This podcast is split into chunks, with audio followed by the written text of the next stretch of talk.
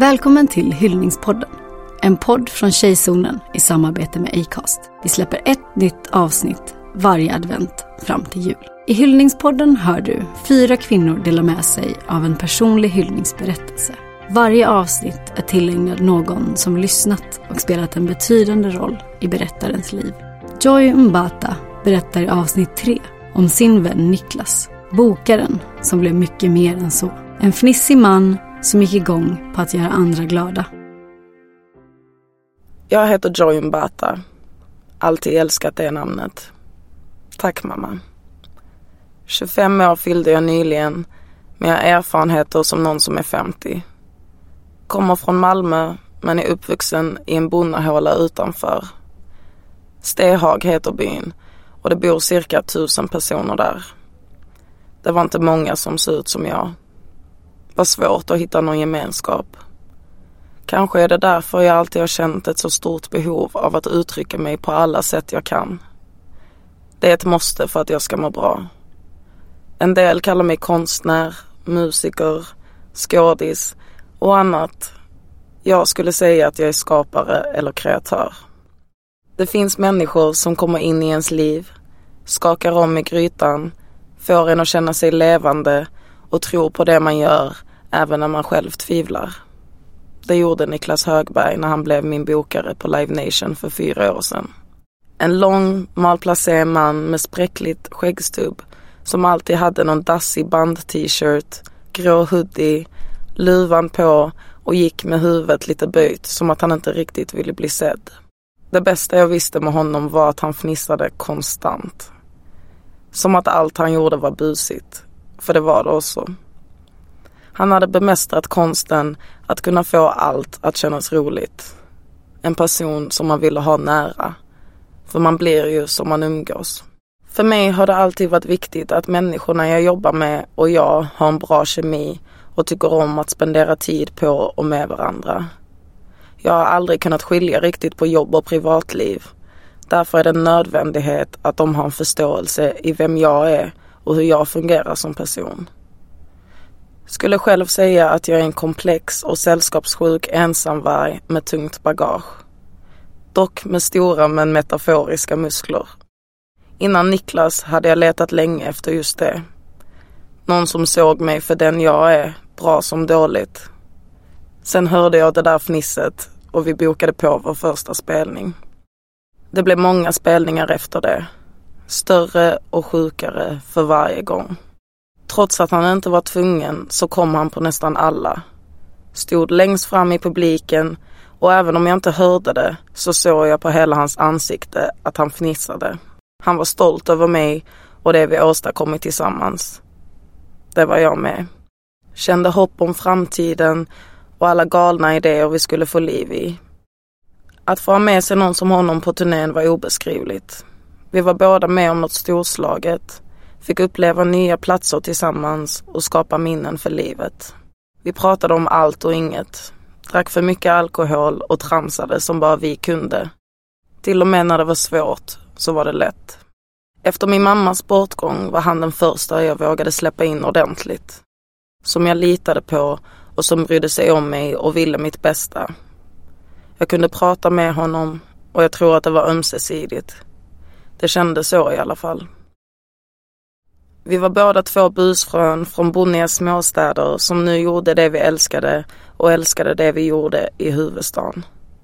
Vi relaterade till och förstod varandra även om vi var olika. Vi sa ja till allt och dömde inte utan tog hand om varandra. Lite som att man såg sig själv i den andra. Det kändes tryggt. Något jag inte har haft eller känt på länge. Just trygghet. Niklas gick igång på att göra andra glada. En otroligt fin egenskap. Så sjukt enkel att älska. Ibland tror jag dock att han glömde bort att ta hand om sig själv ordentligt. Det kan jag också känna igen mig i. Tyvärr är inte Niklas med oss längre. Vi fick en kort men intensiv vänskap som jag aldrig kommer att glömma. Så många stora och viktiga ögonblick i mitt liv som han varit med på och funnits där för mig. Jag var stolt över min arbetsrelation och vänskap till honom. Ville att alla skulle veta. Han var väldigt viktig för mig och hans ord vägde tungt. Jag litade på honom till tusen procent och vi hade en enorm respekt för varandra. Avgörande byggstenar i en optimal relation. Något jag letat efter länge. Att inte ha föräldrar från tidig ålder har varit ett rent helvete att behöva gå igenom och det är det fortfarande. Men det har skapat mig till den jag är nu och jag älskar mig själv så extremt mycket. Älskade Niklas också för att han fanns där för mig på så många plan. För att han var sig själv och levde fullt ut. Jag såg upp till det. Tragedin i hans bortgång förde samman så många människor och jag har aldrig upplevt något liknande. Jag har varit på bröllop mörkare än hans begravning som vi kallade för efterfesten. För det var dit han hade gått vidare, bara alldeles för tidigt. Vi skålade, sjöng för honom, grät floder som vi tog oss över istället för att låta drunkna i, åt räkfrossa, sköt konfetti, kollade på bilder och videos och mindes. Hans liv, allt han åstadkommit och glädjen han gett oss alla dagligen. Det skulle firas. För han levde fan mer än vad folk gör på en hel livstid. Det försöker jag också göra. Så sjukt ändå att anta att det kommer komma en morgondag. I allt detta så blev hans dåvarande flickvän Evelina Eliasson min nya bokare. Svårt på så många sätt, men också väldigt fint och nödvändigt. Att man hade varandra i det här. Vi hade inte haft någon direkt relation tidigare, mer än att vi båda visste om varandra och att vi var viktiga för Niklas. Det vi har idag är vattentätt och går inte att ifrågasätta. Vi är också olika, det får man vara. Man förstår och lär sig mycket om sig själv och andra genom att våga öppna upp sig. Det är läskigt, men vad hade vi mer att förlora? Respekten jag har för dig Evelina och kärleken jag känner. Du är den starkaste kvinnan jag vet. Jag är stolt att få kalla dig både min bokare och syster. Tack för då, tack för nu och tack för sen till er båda. Det ni har gett mig och fortfarande ger mig kommer jag att bära med mig för alltid och ge vidare till andra. Tack. Livet är min själ och dag en sjuk jäkla resa. Fy fan alltså. Toppar och dalar lika djupa som Gordon Ramsays rynkor. Jag har alltid gillat honom.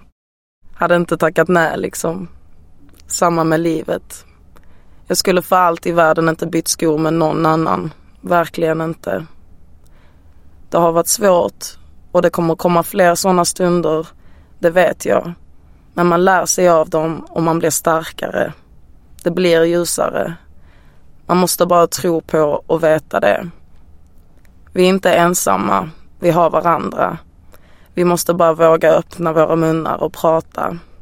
Därför vill jag avsluta med att säga hej. Lyssnare räddar liv. Vem vill du hylla? Var med och hylla alla de som lyssnat när ingen annan gjorde det. Med Tjejzonens hyllningsstory på Instagram. Swisha en gåva till 90 02 072. Läs mer om hur det fungerar på Tjejzonens Instagram, at Tjejzonen. Tjejzonen är Sveriges största stödorganisation för tjejer. Vi kämpar för tjejers rätt att bli lyssnade på och att den psykiska hälsan ska öka bland alla som definierar sig som tjejer mellan 10 och 25. Din gåva hjälper oss i kampen att öka unga tjejers psykiska hälsa.